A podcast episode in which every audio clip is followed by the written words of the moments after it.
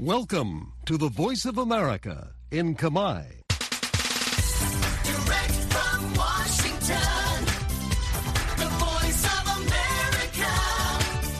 VOA.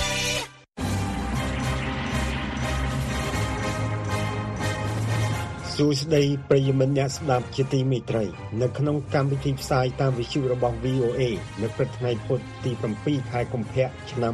2024នេះ ខ្ញុំជឹងពូជីននិងសហការីនៃក្រុមផ្សាយកាមេរ៉ាភាសាសូមស្វាគមន៍ប្រិយមិត្តពីរដ្ឋធានី Washington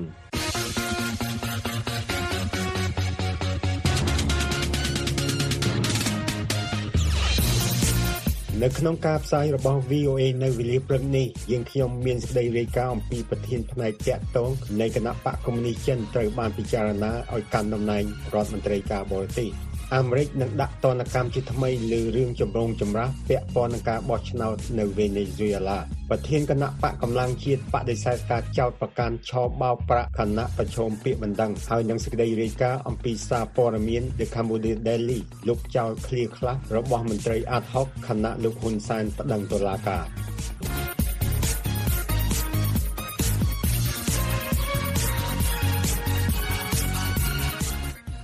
មានការមួយមតិគ្នាច្រើនជាងមុនក្នុងចំណោមក្រុមអ្នកវិភាគថាប្រធានផ្នែកទំនាក់ទំនងនៃគណៈបកកុម្មុយនីសចិនទំនងជាត្រូវជឿរើសឲ្យកាន់តំណែងរដ្ឋមន្ត្រីការបរទេសរបស់ចិនប្រហែលនៅខែមីនានៅក្នុងសម័យប្រជុំនយោបាយសំខាន់សំខាន់ពីរប្រចាំឆ្នាំលោក Lin Feng រាយការណ៍ពីរដ្ឋធានី Washington ហើយលោកឈឹមសមេតជួនសេចក្តីប្រែសម្រួលដូចតទៅ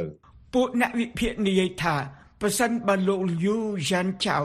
ប្រធានផ្នែកទំនាក់ទំនងនៃគណៈបកកុម្មុយនីសចិនត្រូវបានតែងតាំងអ្នកបកប្រែភាសាខ្លាយជាអ្នកការទូតអាយុ59ឆ្នាំរូបនេះនឹងជាអតីតអ្នកតាមប្រមាញ់ក្រុមជនពុករលួយ និងបន្តតំណែងពីលោកវ៉ាងយីជាអ្នកការទូតកម្ពុជារបស់ប្រទេសចិន ហើយអាចជួយជួសជុលទំនាក់ទំនងដ៏យ៉ាប់យ៉ឺនរវាងរដ្ឋាភិបាលក្រុងប៉េកាំងជាមួយក្រុមប្រទេសលោកខាងលិច ជាពិសេសសហរដ្ឋអាមេរិក លោក Jeremy Chan អ្នកវិភាគជាន់ខ្ពស់នៅក្រុមពិគ្រោះយោបល់ Eurasia មានមូលដ្ឋាននៅបរិយា New York បាននិយាយប្រាប់ VOA ថា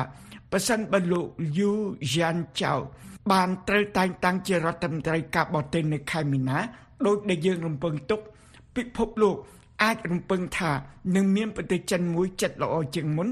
និងសុភាពរៀបសារជាងមុននៅលើឆាកអន្តរជាតិក្នុងឆ្នាំ2024 លោកចាន់បានថ្លែងថាលោកយូយ៉ាន់ចៅជាអិសរាជជនម្នាក់រាក់ទាក់ជាងលោកវ៉ាំងនិងចេះភាសាអង់គ្លេសជាងលោកវ៉ាំង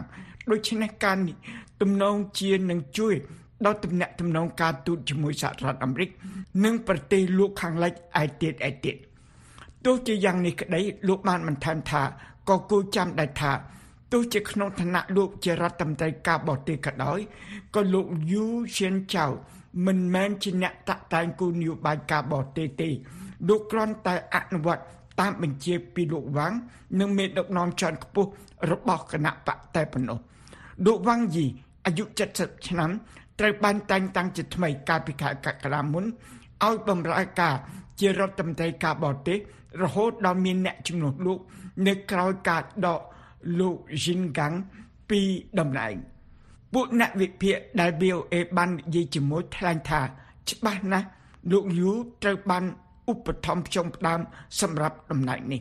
កាលពីដើមខែមករាលោកបានដឹកនាំគណៈប្រតិភូចិនមួយមកកាន់សហរដ្ឋអាមេរិកលោកបានជួបជាមួយក្រុមអ្នកស្រាវជ្រាវអិសរាជជនខាងធុរកិច្ចនិងមន្ត្រីជាន់ខ្ពស់រួមមានរដ្ឋមន្ត្រីការបរទេសលោក Anthony Blinken និងលោក John Feiner អនុទីប្រឹក្សាសន្តិសុខជាតិនៅស្ទេតវិមានលោកក៏បានចូលរួម ក្នុងសិក្ខាសាលាសាធារណៈមួយ អំពីទំនាក់ទំនងរវាងសហរដ្ឋអាមេរិកនិងចិន នៅក្រុមប្រឹក្សាទំនាក់ទំនងការបរទេសដែលមានមូលដ្ឋាននៅបរិយាញូវយ៉កផងដែរលោកយុនស៊ុននាយកកម្មវិធីប្រទេសចិននៃមជ្ឈមណ្ឌល Stimson ដែលជាអង្គការស្រាវជ្រាវមានមូលដ្ឋាននៅរដ្ឋធានី Washington បានជួប លោកយូនៅក្នុងទស្សនកិច្ចរបស់លោកលោកស៊ុនបាននិយាយថាខ្ញុំយល់ថាទស្សនកិច្ចរបស់លោកយូយៀនចៅនៅរដ្ឋធានី Washington ជាផុសតាំងល្អមួយថាលោកនឹងទទួលកាតព្វកិច្ចជាមួយទំនាក់ទំនងទ្វេភាគីដ៏សំខាន់លោកបានបន្ថែមថា នៅក្នុងទស្សនកិច្ចលោកក្នុងទីក្រុង3នៅក្នុងសហរដ្ឋអាមេរិកលោកបានធ្វើការតាក់ទងច្រើនជាមួយអង្គការស្រាវជ្រាវ និងអង្គការខាងគោលនយោបាយសហគមន៍លោកបានថ្លែងថានេះមិនមែនជាការធម្មតាទេប្រសិនបើលោកមិនបានត្រូវជ្រើសរើសសម្រាប់កាន់តំណែងធំជាងមុនទេនោះកាលពីមុនលោកយូបានបម្រើការជាអ្នកនាំពាក្យក្រសួងការបរទេសនៅមុនលោកកាន់តំណែងជាឯកអគ្គរដ្ឋទូតប្រចាំប្រទេសហ្វីលីពីន និងប្រទេសឥណ្ឌូនេស៊ីបន្ទាប់មកលោកបានបម្រើការជាឧបការីរដ្ឋមន្ត្រីក្រសួងការបរទេស នៅមុនពេលលោកកាន់តំណែងជានាយករង ដែលមានកម្រិតស្មើអនុរដ្ឋមន្ត្រីនៃការិយាល័យជាតិប្រឆាំងអំពើពុករលួយ និងជាអគ្គនាយកនៃមន្ទីរកិច្ចសហប្រតិបត្តិការអន្តរជាតិនៃគណៈកម្មការកណ្ដាលគណៈបកកុម្មុយនីសចិន ខាងការត្រួតពិនិត្យវិន័យនេះបើតាមក្រមប្រឹក្សាទំនាក់ទំនងការបរទេសពួកអ្នកវិភាគនិយាយថាលោកយូបានដើរតួសំខាន់មួយ ក្នុងកិច្ចប្រតិបត្តិការប្រមាណគីជ្រុងរបស់ប្រធានាធិបតីចិនលោកស៊ីជីនពីងដែលស្វាស្វែងតាមដាននិងធ្វើបច្ចុប្បន្នក្រមមន្ត្រីពុករលួយ ដែលបានរត់គេចខ្លួនទៅប្រទេសក្រៅលោក Neil Thomas ជាអ្នកស្រាវជ្រាវខាងនយោបាយចិននៅវិទ្យាស្ថានគោលនយោបាយនៃសមាគមអាស៊ីមានមូលដ្ឋាននៅបរិយាញូវយ៉កលោកបាននិយាយប្រាប់ VOA តាមអ៊ីមែលថាបទពិសោធន៍របស់លោក Yu Zhenchao ក្នុងការដឹកនាំការិយាល័យអន្តរជាតិប្រឆាំងនឹងអំពើពុករលួយរបស់លោកស៊ីនាំឲ្យឃើញថាលោក មានការទុកចិត្តខាងនយោបាយកម្រិតខ្ពស់ហើយអាចធ្វើការចរចា អំពីបញ្ហារសើបជាមួយរដ្ឋាភិបាលបរទេសលោកយូយ៉ាវេទីប្រឹក្សាជាន់ខ្ពស់ផ្នែកប្រទេសចិន នៅមជ្ឈមណ្ឌល Carter និងជាសាស្ត្រាចារ្យវិទ្យាសាស្ត្រនយោបាយនៅសាកលវិទ្យាល័យ Emory នៃរដ្ឋ Georgia បាននិយាយថាកាតនេះក៏ជួយលោកឲ្យយល់ដឹងអំពីនយោបាយក្នុងប្រទេសរបស់ចិនដែរលោកយូបានថ្លែងថាការនេះអនុញ្ញាតឲ្យលោកយូយ៉ានចៅយល់អំពីរដ្ឋាភិបាលកម្រិតខេត្តនិងកិច្ចសហប្រតិបត្តិការនៃការិយាធិបតេយ្យចិនទាំងមូលពីព្រោះពួកអ្នកការទូតនិងសំបីតែក្រសួងការបរទេសទាំងមូល មានលក្ខណៈខុសគ្នាពីការិយាធិបតេយ្យក្នុងប្រទេសវាហាក់ដូចជាមិនអាចតាក់ទងជាមួយបាន តែការទូតនៃប្រទេសចិនក៏មានតាក់ទិននឹងនយោបាយក្នុងប្រទេសដែរហើយខេត្តនីមួយមួយស្វែងរកនឹងការពៀផលប្រយោជន៍នៅប្រទេសក្រៅផងដែរនៅឆ្នាំ2018លោកយូយិនចៅបានវិលមកកាន់ប្រព័ន្ធការទូតវិញ ហើយលោកបានធ្វើការ នៅការិយាល័យគណៈកម្មការកណ្ដាលខាងកិច្ចការបរទេស ក្នុងឆ្នាំ2022លោកត្រូវបានតែងតាំងជារដ្ឋមន្ត្រីមន្ទីរអន្តរជាតិនៃគណៈកម្មការកណ្ដាលគណៈបកកុម្មុយនីសចិនដែលមានមុខនីតិជាប្រពៃណីក្នុងការតាក់ទងជាមួយប្រទេសគ្រប់គ្រងដោយបកកុម្មុយនីសដូចជាប្រទេសគូបាឡាវកូរ៉េខាងជើង និងប្រទេសវៀតណាមជាដើមលោកច័ន្ទនៃក្រុម Eurasia និយាយថាបទពិសោធន៍ច្រើនរបស់លោកយូបានធ្វើឲ្យលោក ជាបេក្ខជនមានសក្តានុពលម្នាក់សម្រាប់តំណែងរដ្ឋមន្ត្រីការបរទេសលោកច័ន្ទបានថ្លែងថា ការប្រឆាំងនឹងអំពើពុករលួយយ៉ាងពិតប្រាកដនិងដោយត្រឹមត្រូវរបស់លោកយូចៅមិនមែនជាការធម្មតាសម្រាប់រដ្ឋមន្ត្រីការបរទេសម្នាក់ទេតែបទពិសោធន៍របស់លោក អំពីគណៈកម្មការកណ្ដាល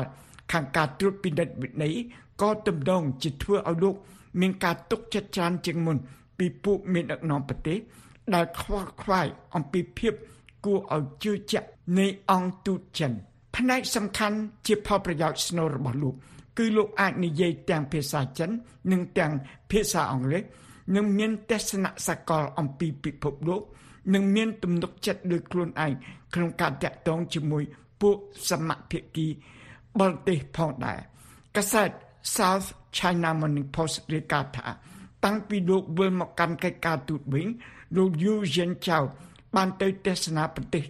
18រួមមានប្រទេសអូស្ត្រាលីចក្រភពអង់គ្លេសបារាំងអាល្លឺម៉ង់អ៊ីតាលីអាហ្វ្រិកខាងត្បូងនិងសហរដ្ឋអាមេរិកពីរដ្ឋធានី Washington ខ្ញុំឈឹមសុកមេត VOA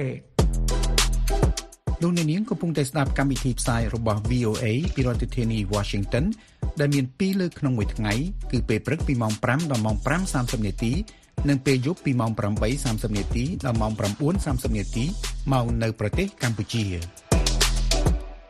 រដ្ឋបាលលោក Biden ដាក់ទណ្ឌកម្មជាថ្មីទៅលើក្រុមហ៊ុនរ៉ែគ្រប់គ្រងដោយរដ្ឋ Venezuela ហើយគម្រាមចាត់វិធានការបន្ថែមបន្ទាប់ពីតុលាការកំពូលរបស់ប្រទេសនេះកាលពីសប្តាហ៍មុនបានរារាំងមេដឹកនាំបកប្រឆាំងមិនឲ្យចូលរួមការប្រកួតប្រជែងតំណែងប្រធានាធិបតីក៏ប៉ុន្តែតើចំណាត់ការនេះអាចធ្វើឲ្យប្រធានាធិបតីផ្ដាច់ការលោក Nicolas Maduro ប្រែប្រួលឬទេឬក៏ចំណាត់ការនេះនឹងធ្វើឲ្យពលរដ្ឋ Venezuela កាន់តែលំបាកវេទនានិងកាន់តែភ័យខ្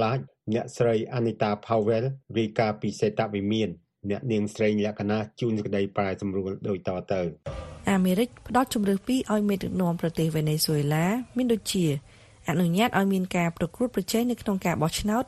ឬក៏ប្រឈមនឹងបញ្ហាសេដ្ឋកិច្ចលោកប្រធានាធិបតីនីកូឡាសម៉ាឌូរ៉ូហាក់ដូចជារើសយកជំរឿសទី2ដោយសរសើរតុលាការកំពូលតែបានរារាំងលោកស្រី Maria Corina Machado ហើយលោកបដិញ្ញាបន្តដឹកនាំប្រទេសដែលសម្បូរព្រៃមួយនេះប្រធានាធិបតីប្រទេសវេណេស៊ុយឡាលោក Nicolas Maduro ថ្លែងថា Nada me va a detener. Voy a seguir en las calles. Voy a seguir en batalla. គ្មានអ្វីអាចបញ្ឈប់ខ្ញុំបានទេខ្ញុំនឹងបន្តការពារអ្នកនៅគ្រប់ទីកន្លែងដើម្បីកម្ចាត់ពួកគេខ្ញុំនឹងបន្តគ្រប់គ្រងប្រទេសនេះជាមួយនឹងការគ្រប់គ្រងពីពលរដ្ឋវេណេស៊ុយឡាលោក Maduro ដែលគ្រប់គ្រងការសម្រេចចិត្ត មិនឲ្យគូប្រជែងឆោឈ្មោះនោះនឹងរងផលប៉ះពាល់ធ្ងន់ធ្ងរ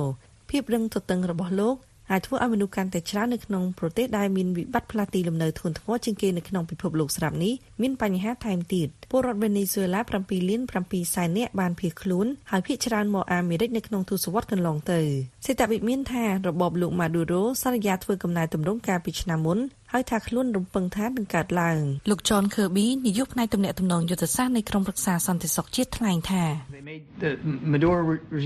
របបលោក Maduro បដិញ្ញាកាលពីនីតិគរដូវឆ្នាំមុន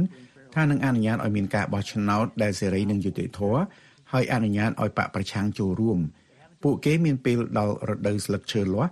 ដើម្បីធ្វើតាមការសន្យា ហើយយើងនឹងឃ្លាំមើលយ៉ាងដិតដល់លោក Jorge Rodriguez ប្រធានសភាដែលស្មោះស្ម័គ្រនឹងលោក Maduro ហៅការទៀមទារបស់អាមេរិកថាជាអ្នកលួចប្លន់អ្នកស្រី Machado ដែលថាមនុស្ស3លានអ្នកគាំទ្រលោកស្រីនៅក្នុងការបោះឆ្នោតបឋមកាលពីខែតុលាបានហៅការរារាំងលោកស្រីមិនឲ្យចូលរួមក្នុងការបោះឆ្នោតថាជាការខុសឆ្គងរបស់តុលាការលោកស្រី Maria Corina Machado ដែលជាមេដឹកនាំគណៈបកប្រឆាំងថ្លែងថាខ្ញុំតំណាងឲ្យអធិបតេយ្យភាពដ៏មានប្រជាប្រិយភាពពួកគេមិនអាចបោះឆ្នោតដោយគ្មានខ្ញុំ និងពលរដ្ឋវេណេស៊ុយអេឡាដែលបានបោះឆ្នោតកាលពីថ្ងៃមុនទេតើយុទ្ធនាការដាក់សម្ពាធរបស់អាមេរិកមានប្រសិទ្ធភាពឬទេឬលោក Maduro ដែលធ្វើឲ្យវិបត្តិសេដ្ឋកិច្ចដែលលោកបង្កើតឡើងកាន់តែអាក្រក់ឡើងលោក Eddie Acevedo ប្រធានផ្នែកបុគ្គលិកនៃវិជ្ជាមណ្ឌល Wilson ថ្លែងថា We're in a situation where Maduro យើងស្ថិតក្នុងស្ថានភាពមួយដែលលោក Maduro បានអ្វីគ្រប់យ៉ាងដែលលោកចង់បានគណៈអាមេរិកបានមកវិញយ៉ាងតិចតួច ដែលធ្វើឲ្យប៉ះពាល់ខ្លាំងដល់សេរីភាពនិងប្រជាធិបតេយ្យនៅវេណេស៊ុយឡាលោកអាស៊ីវីដូគិតថាអាមេរិកគួររញច្រានថែមឲ្យបានលឿនជាងនេះ I don't think we should wait I think uh, they have given Maduro way too many chances and he has not យើងមិនគួររងចាំទេ គេផ្ដល់ឱកាសឲ្យលោក Maduro ច្រើនពេកហើយ ហើយលោកមិនបានធ្វើតាមការសន្យាទេបើខ្ញុំវិញខ្ញុំនឹងដាក់ទណ្ឌកម្មថ្មីនិយាយចំទៅលើក្រុមហ៊ុនបរទេស និងរបបគ្រប់គ្រងដែលជួយលោកម៉ាឌូរ៉ូព្រោះគេមិនសូវចាប់អារម្មណ៍លើរឿងនេះទេ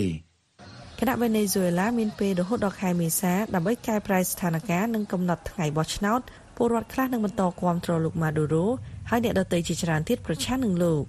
ពីរដ្ឋធានី Washington ខ្ញុំស្រីលក្ខិណា VOA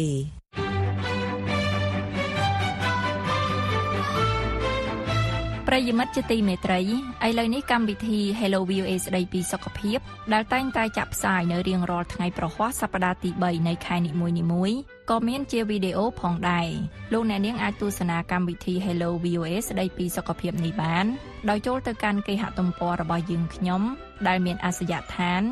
khmer.voanews.com រួចចុចលើពាក្យកម្មវិធី Hello VOA នោះលោកអ្នកនឹងចូលទៅដល់ទំព័រមួយទៀតដែលមានកម្មវិធី Hello VOA សុខភាពហើយលោកអ្នកនាងអាចទស្សនាវីដេអូមួយណាក៏បាន។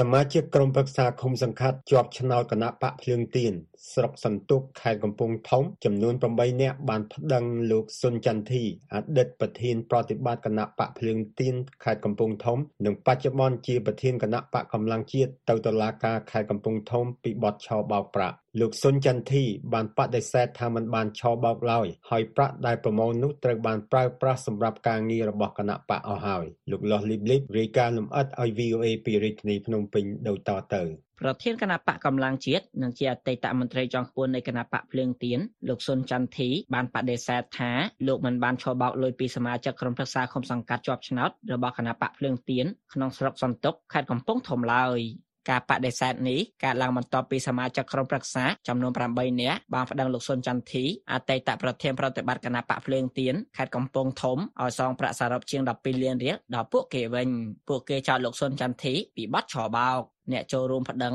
បានទាមទារឲ្យតុលាការផ្តន្ទាទោសលោកសុនចន្ទធីតាមច្បាប់សងប្រាក់ចំនួន12លាន8សែនរៀលនិងសងប្រាក់ជំងឺចិត្តចំនួន5000ដុល្លារដល់ក្រុមអ្នកប្តឹងនេះបើតាមពាក្យបណ្ដឹងមួយច្បាប់ដែលមនុស្សទាំង8នាក់ផ្តិតមេដៃនិងឃើញមានការបោះត្រាចូលរបស់អัยការអមសាលាដំបងខេត្តកំពង់ធំកាលពីថ្ងៃទី1ខែកុម្ភៈឆ្នាំ2024អ្នកប្តឹងទាំង8នាក់នោះរួមមានលោកសុនសុនហេងលោកនេតសៅលោកពតធីរ៉ាអ្នកស្រីសៀងស៊ីណនលោកអៀវវ៉ាន់សៀងលោកអ៊ិតច័ន្ទលី លោកកែវយីននិងលោកខំឆើនពួកគេគឺជាសមាជិកក្រុមប្រឹក្សាឃុំសង្កាត់ជាប់ឆ្នោតគណៈបកភ្លើងទៀនក្នុងស្រុកសន្ទុកខេត្តកំពង់ធំអាណត្តិទី5ពាក្យបណ្ដឹងដែល VOA ទទួលបានបញ្ជាក់ថាក្រោយពីបានប្រមូលថវិកាពីសមាជិកចំនួន19នាក់ដែលមានថវិកាចំនួន28លាន4សែនរៀលហើយឈ្មោះសុនចន្ទធីក៏បានសន្យាថាបើគណៈបកភ្លើងទៀនមិនបានធ្វើការឃោសនាទេនោះលោកនឹងប្រកោប្រាក់ដែលបានបង់ទាំងអស់នោះឲ្យសមាជិកទាំង19នាក់វិញក្រោយមកទៀតស្រាប់តែឈ្មោះសុនចន្ទធី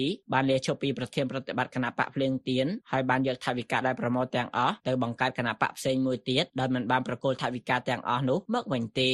តែទៅនឹងការចោទប្រកាន់នេះលោកសុនចន្ទធីបដិសេធថាលោកមិនបានយកលុយពីសមាជិកក្រុមប្រឹក្សាឃុំសង្កាត់ជាប់ឆ្នោតគណៈបកភ្លើងទៀនក្នុងស្រុកសំទុកខេត្តកំពង់ធំដើម្បីបង្កើតគណៈបកថ្មីដែលលោកទើបតែបង្កើតឡើងនេះទេលោកសុនចន្ទធីដែលបានលាលែងពីសមាជិកភាពពីគណៈបកភ្លើងទៀនកាលពីថ្ងៃទី18ខែមិថុនាឆ្នាំ2023បានការពារខ្លួនថាការប្រមូលលុយពីសមាជិកសកម្មរបស់គណៈបកភ្លើងទៀននិងជាសមាជិកក្រុមប្រឹក្សាឃុំសង្កាត់ជាប់ឆ្នោតនៅពេលដែលលោកធ្វើជាប្រធានប្រតិបត្តិប្រចាំខេត្តកំពង់ធំធ្វើឡើងតាមគោលការណ៍របស់គណៈបកភ្លើងទៀនតែប៉ុណ្ណោះ មិនមែនខ្ញុំជាអ្នកប្រមូលលុយនឹងទេបាទវាជាការអនុវត្តគោលការណ៍រួមរបស់គណៈបកនយោបាយមិនចំពោះអ្នកជាប់ឆ្នោតអ្នកមិនជាប់ទេឲ្យតែជាសមាជិកសកម្មរបស់គណៈបកត្រូវមានកាតព្វកិច្ចបង់ចូលដើម្បីត្រួតត្រងគណៈបកទៅតាមការកំណត់របស់គណៈបកឈលលើគោលការណ៍ឯកភាពគ្នាជារួមអញ្ចឹងកាលដែលខ្ញុំធ្លាប់ដឹកនាំគណៈបកភ្លើងទៀនក៏ខ្ញុំអនុវត្ត ទៅតាមគោលការណ៍ណែនាំរបស់គណៈបកថ្នាក់ជាតិដែរគឺអនុវត្តការចូលរួមកាតព្វកិច្ចត្រួតត្រងគណៈបកហ្នឹងជាទូទាំងប្រទេសបាទមិនមែនតែខេត្តកំពង់ធំទេបើតាមលោកសុនចន្ទធីលុយដែលប្រមូលបានពីសមាជិកសកម្មនៅក្នុងខេត្តកំពង់ធំគឺបានចំណាយដើម្បីត្រួតត្រងសកម្មភាពគណៈបកនិងការចំណាយផ្សេងផ្សេងៗដូចជាការទិញអាវមួកសម្រាប់ត្រៀមការបោះឆ្នោតជ្រើសតាំងតំណាងរាស្ត្រឆ្នាំ2023ប៉ុន្តែគណៈបកភ្លើងទៀនមិនត្រូវបានអនុញ្ញាតឲ្យចូលរួមប្រកួតប្រជែងឡើយ អញ្ចឹងយើងបានចំណាយរាប់ម៉ឺនដុល្លារប៉ុន្តែជាអកុសល ថវិកាដែលយើងបានចំណាយយើងទិញសម្ភារៈទាំងអស់ហ្នឹងយើងអត់បានយកមកប្រើប្រាស់សម្រាប់ការបោះឆ្នោតទេដោយសារគណៈបកត្រូវបានគេផាត់ចេញពីការបោះឆ្នោតអញ្ចឹងយើងខាតទាំងអស់សម្ភារៈអាវមួកដែលយើងបានទិញរាប់ម៉ឺនដុល្លារគឺទុកចោលលោកសុនចន្ទធីចាត់ទុកការប្តឹងរូបលោកនៅមុនការបោះឆ្នោតជ្រើសតាំងសមាជិកព្រឹទ្ធសភាធ្វើឡើងក្រោមហេតុផលនយោបាយជាការគំរាមកំហែងនិងបំបាក់ទឹកចិត្តដល់អង្គបោះឆ្នោតគណៈបកភ្លើងទៀនកុំបោះឆ្នោតឲ្យរូបលោកនៅក្នុងការបោះឆ្នោតនាថ្ងៃទី25ខែកុម្ភៈខាងមុខ វាអត់មានលើកឡើងថាករណីហ្នឹងជាករណីបត់ឆោកបោកដោយការលើកឡើងនៅក្នុងពាក្យបណ្ដឹងដែលគេរៀបចំហ្នឹងទេបាទដូច្នេះសរុបមកវិញករណីនេះវាជាករណីហេតុផលនយោបាយការគម្រាមកំហែងនយោបាយដោយសារខ្ញុំជាបេក្ខជនធ្វើឈ្មោះបោះឆ្នោតជិតតាំងប្រសិទ្ធភាពតំណាងឲ្យគណៈបកកម្ពុជាជាតិហើយជាអតីតអ្នកទៅខុសទៅអ្នកដឹកនាំគណៈបកភ្លើងទៀននៅខេត្តកំពង់ធំដូច្នេះក្រុមប្រឹក្សាឃុំសង្កាត់ច្រើនលើសលុបគេមានសមាជិកជាមួយគណៈបកដែលមានសមាជិកជាមួយខ្ញុំហ្នឹងគេនឹងត្រៀមបោះឆ្នោតឲ្យខ្ញុំ ប្រធានគណៈបកកម្លាំងជាតិរូបនេះបន្ថែមថាប្រសិនបើតុលាការពិតជាកោះហៅរូបលោកពិតមែននោះលោកនឹងចូលបំភ្លឺ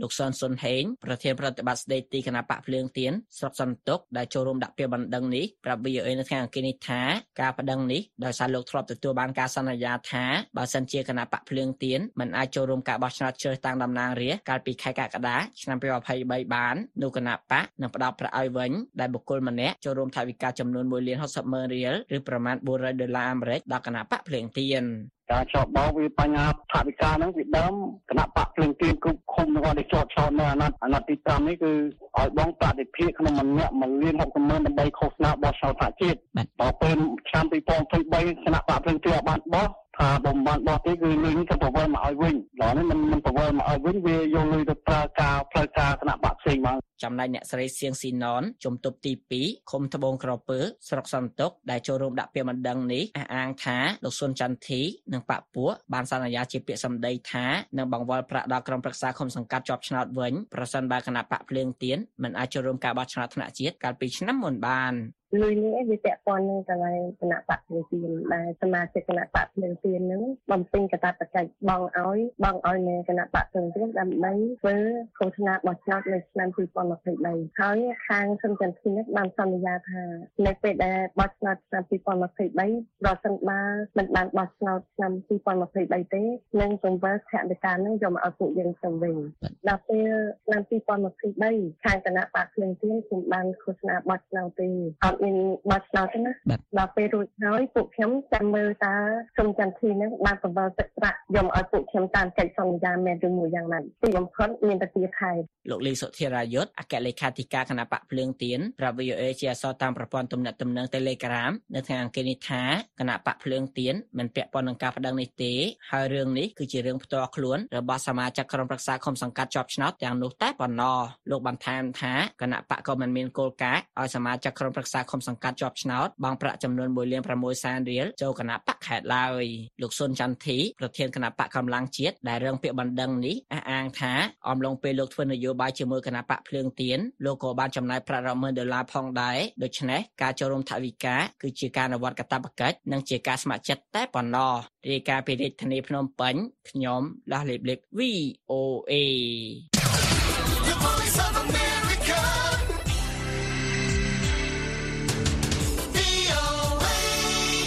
ស្របពេលដែលលោកហ៊ុនសែនបានដាក់ពាក្យបណ្ដឹងទៅតុលាការរាជធានីភ្នំពេញសារព័ត៌មាន The Cambodia Daily បានលុបចោលឃ្លាមួយចំនួន របស់មន្ត្រីជាន់ខ្ពស់សមាគមសិទ្ធិមនុស្សអាត6លោកសឹងសែនករណាលោកហ៊ុនសែនបានប្តឹងលោកសឹងសែនករណាទាមទារសំណងចិត្តប្រមាណ50ម៉ឺនដុល្លារអាមេរិក កញ្ញាមាសដារាយការណ៍រឿងនេះឲ្យ VOA ដូចតទៅសារព័ត៌មាន The Cambodia Daily ដែលចេញផ្សាយពីក្រៅប្រទេសតាមប្រព័ន្ធសង្គម Facebook និងគេហទំព័របានលុបចោលការដកស្រង់សម្ដីមួយចំនួនរបស់មន្ត្រីជាន់ខ្ពស់នៃសមាគមសិទ្ធិមនុស្សអាត6លោកសង្សានករណាគណៈអតីតនាយករដ្ឋមន្ត្រីហ៊ុនសែនបានដាក់ពាក្យបណ្ដឹងទៅតុលាការកាលពីថ្ងៃច័ន្ទដោយប្តឹងទាមទារសំណងជំងឺចិត្តប្រមាណ50ម៉ឺនដុល្លារអាមេរិក បើតាមអត្ថបទដែលកែសម្រួលចុងក្រោយអ្នកនាំពាក្យសមាគមការពារសិទ្ធិមនុស្សអាត6លោកសង្សានករណាត្រូវបានដកស្រង់ដោយសារព្រមាន The Cambodia Daily ត្រង់ចំណុចថាវិវាទរបស់អ្នកនយោបាយគួរបញ្ចប់ដោយអ្នកនយោបាយមិនគួរប្រើប្រាស់ប្រព័ន្ធតុលាការមកដោះស្រាយទេនិងឃ្លាត្រង់ចំណុចថាប្រភពដដែលបានបន្តថាគណៈបកនយោបាយទាំងអស់គួរតែប្រើវិធីចាស់ទុំដើម្បីធ្វើការប្រកួតប្រជែងគ្នាគួរបញ្ចប់នៅវប្បធម៌គំរាមកំហែងដៃគូនយោបាយរបស់ខ្លួនដើម្បីទុកជាគំរូសម្រាប់អ្នកនយោបាយចំនួនក្រោយកាលពីថ្ងៃទី2ខែកុម្ភៈសារព័ត៌មាន The Cambodia Daily បានចេញផ្សាយលើ Facebook របស់ខ្លួននិងគេហទំព័រពាក់ព័ន្ធជាមួយនឹងអត្ថបទមួយលោកសុនឆៃក្រុងលក់ផ្ទះចុងក្រោយរបស់លោក ជាង1លានដុល្លារដើម្បីសងជំងឺចិត្តគណៈបកកាន់អំណាចលោកសង្សានករណាដែលជាអ្នកនាំពាក្យរបស់សមាគមអាត6ត្រូវបានយោងសម្ដីមួយចំនួននៅក្នុងអត្ថបទនោះដោយលើកឡើងថាគណៈបកប្រជាជនកម្ពុជា ជាគណៈបកមានធនធានថវិកាច្រើនដូច្នេះគួរយល់យកដល់លោកសុនឆៃ លោកសង្សានករណាត្រូវបានដកស្រង់សម្ដីបន្ថែមត្រង់ចំណុចមួយដែលទំនងពាក់ព័ន្ធនឹងការប្តឹងរបស់លោកហ៊ុនសែនថាប្រពន្ធដដែលបានឲ្យដឹងថាគណៈបកកណ្ដាលអំណាចតែងតែយកតឡាការមកធ្វើជារបាំងក្នុងការគៀបសង្កត់ដៃគូនយោបាយប្រឆាំងរបស់ខ្លួន កាលពីថ្ងៃច័ន្ទក្រុមមេធាវីរបស់លោកហ៊ុនសែនបានដាក់ពាក្យបណ្ដឹងទៅតុលាការដោយទាមទារសំណងជំងឺចិត្តចំនួន2000លានរៀលឬប្រមាណ50ម៉ឺនដុល្លារនេះបើយោងតាមពាក្យបណ្ដឹងដែលផ្សព្វផ្សាយលើសារព័ត៌មាន Fresh News ដែលស្និទ្ធនឹងរដ្ឋាភិបាលពាក្យបណ្ដឹងបញ្ជាក់ថាការថ្លែងទាំងនោះជាការទម្លាក់កំហុសដោយអសុទ្ធចិត្តនិងមូលបង្កាច់នាំឲ្យប៉ះពាល់ដល់ធ្ងន់ធ្ងរដល់កិត្តិយសរបស់គណៈបកប្រជាជនកម្ពុជា នៅពេល VOA តាក់ទងទៅលោកសង្សានករណាបដិសេធមិនផ្ដល់ការអត្ថាធិប្បាយដោយលោកថាលោកចង់រក្សាភាពស្ងៀមស្ងាត់លោកនេះសុខាប្រធានសមាគមសិទ្ធិមនុស្សអាត់ហុកក៏បានបដិសេធមិនផ្ដល់អត្ថាធិប្បាយដូចគ្នា កាលពីថ្ងៃច័ន្ទលោកសង្សានករណាបានបដិសេធថាលោកមិនបានប្រើប្រាស់ពាក្យពេចន៍ចំចំទៅលើគណៈបកប្រជាជនកម្ពុជាដោយការចុះផ្សាយរបស់សារព័ត៌មានឡើយលោកប្រាប់ VOA ថាលោកធ្វើការងារក្នុងបេសកកម្មនិងសកម្មភាពពង្រឹងការគោរពសិទ្ធិមនុស្សគោរពច្បាប់និងចង់ឃើញយុត្តិធម៌សង្គមនិងប្រជាធិបតេយ្យពិតប្រាកដលោកបន្ថែមថាការផ្ដល់បទសម្ភាសកាលពីកន្លងទៅលោកមានការប្រុងប្រយ័ត្នហើយក៏គ្មានគោលដៅវិប្រហារគណៈបកណាមួយឡើយលោកស្នើឲ្យពិនិត្យមើលសម្ដីដើមរបស់លោកលោកប្លង់សុផលអ្នកនាំពាក្យសាលាដំបងរាជធានីភ្នំពេញប្រាប់អ្នកសារព័ត៌មាននៅថ្ងៃអង្គារនេះថាតំណាងអัยការនឹងពិនិត្យលើពាក្យបណ្ដឹងព្រមទាំងផុសតាំងនានាក្នុងសំណុំរឿងហើយនីតិវិធីនឹងបន្តតាមច្បាប់ VOA ពុំទាន់អាចសុំការអត្ថាធិប្បាយពីលោកតាំងសារដា ប្រធានសារព័ត៌មាន The Cambodia Daily បាននៅឡើយទេ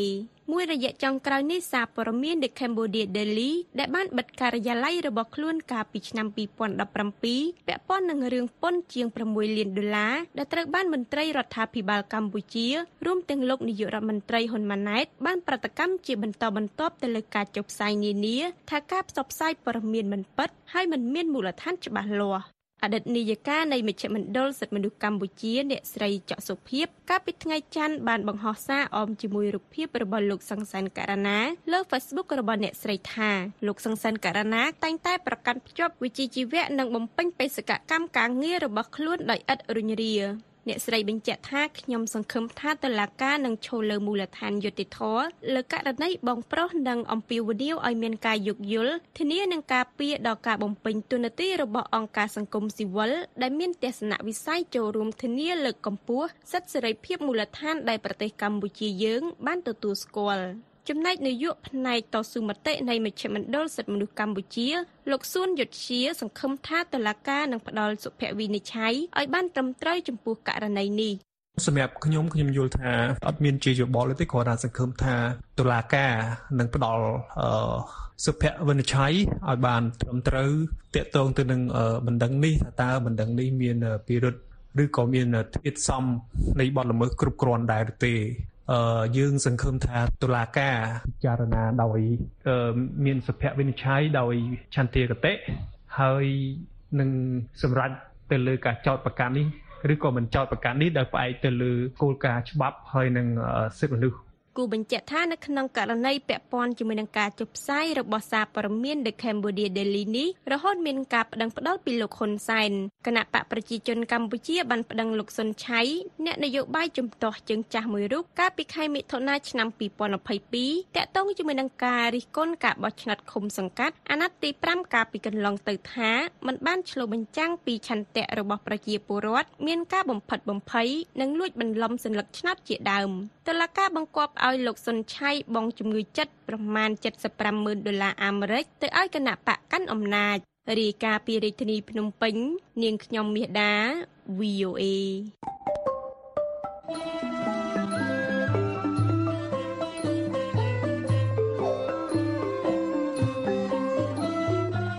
កម្មវិធីផ្សាយរបស់ VOA នៅព្រឹកនេះចប់តែត្រឹមនេះសូមអរលោកអ្នករងចាំស្ដាប់ សេចក្តីរាយការណ៍ព័ត៌មានជាតិនិងអន្តរជាតិរបស់ VOA នៅក្នុងការផ្សាយបន្តផ្ទាល់របស់យើងខ្ញុំនៅរាត្រីនេះទៀតពីម៉ោង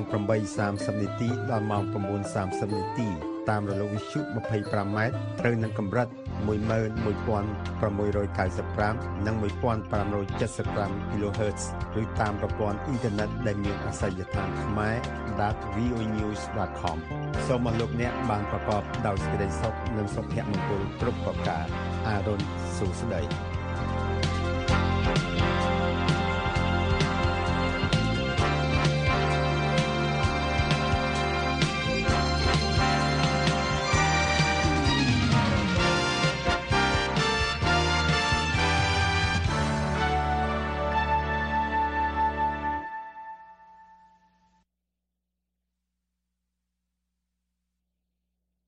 This program has come to you from the Voice of America, Washington.